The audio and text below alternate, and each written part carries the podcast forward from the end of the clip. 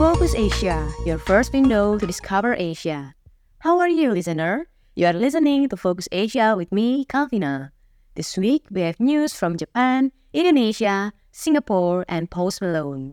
The first news comes from Japan. The UN Nuclear Monitoring Agency says that Japan's plan to release treated water from the Fukushima nuclear plant into the sea appropriate international standard and negligible radiological impact. The IAEA said Tokyo's plan to dilute the treated water and release it into the sea was consistent with relevant international safety standards. Japanese government spokesman Hirokazu Matsuno said that given how authoritative it is in managing and implementing nuclear safety standards, it is important to promote international understanding. However, this remains controversial in China, some people in Korea, as well as the fishing community in Fukushima. After talks with Japan's Prime Minister and Foreign Minister, IAEA Director General Rafael Grossi said the IAEA had spent two years reviewing the release plan including by testing the water and sending samples to an independent facility. Japan announced further plans with a release soon at the beginning of the summer. Matsuno added that he would explain and communicate thoroughly, both domestically and internationally, details of the IAEA report and effort to ensure security and measures against damage to reputation.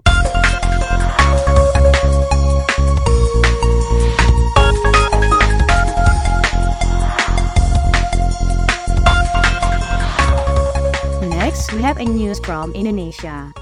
Indonesia has officially upgraded to become an upper middle income country based on the latest categorization released by the World Bank. Indonesia's economy that grew stronger 5.3% last year made Indonesia become upper middle income country. Indonesia had a per capita income of 4,580 US dollar last year, and this is higher than 2021 of 4,140 US dollar. According to Febrio Kacaribu, head of the Fiscal Policy Agency, Ministry of Finance, Indonesia has succeeded in becoming an upper middle income country, even when the thresholds for its classification has increased in line with rising global inflation. Indonesia has also been an upper middle income country in 2019 with a gross national income per capita of 4,070 US dollar. In 2020, Indonesia has decreased to become a lower middle income country because of to the COVID-19 pandemic.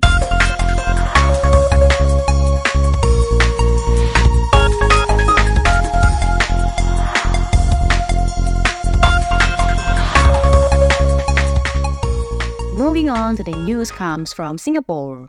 Singapore Raffles Music College will be the first Singapore's K-pop high school program. The school will collaborate with School of Performing Arts Seoul.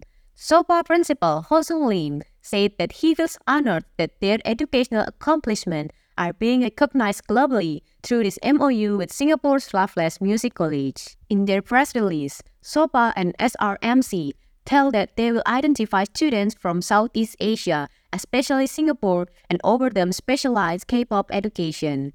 SOPA SRMC will conduct all its classes in English and also will be taught by faculty member from SOPA's Education System Department. Brian Bo, Executive Director of SRMC, said that the achievement of SOPA pushed them to bring the essence of specialized performing art education from Korea into Singapore and Southeast Asia. SOPA SRMC have not announced more about the audition process to enroll in SOPA SRMC or the full details of their curriculum.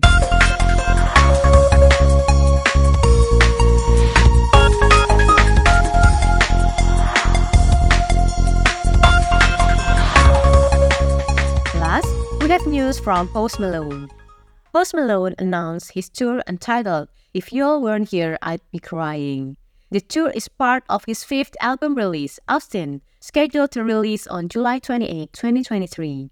He will sing in various countries in Asia like Taipei, Seoul, Hong Kong, and Tokyo, with three countries in Southeast Asia, namely Singapore, Thailand, and the Philippines.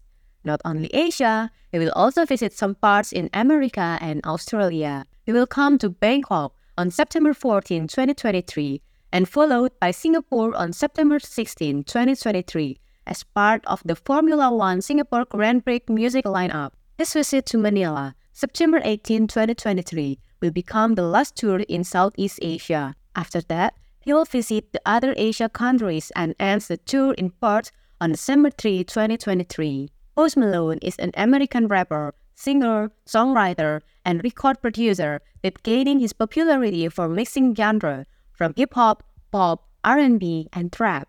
He is best known for his smash hits like Sunflowers, Circles, and Congratulations. Most recently, Post Malone opened for Red Hot Chili Peppers on their global stadium tour. The news from Post Malone closes this week's episode. Don't forget to always listen to Focus Asia every week to update your knowledge about what happens in Asia. I'm Galvina. See you on the next episode of Focus Asia, your first window to discover Asia.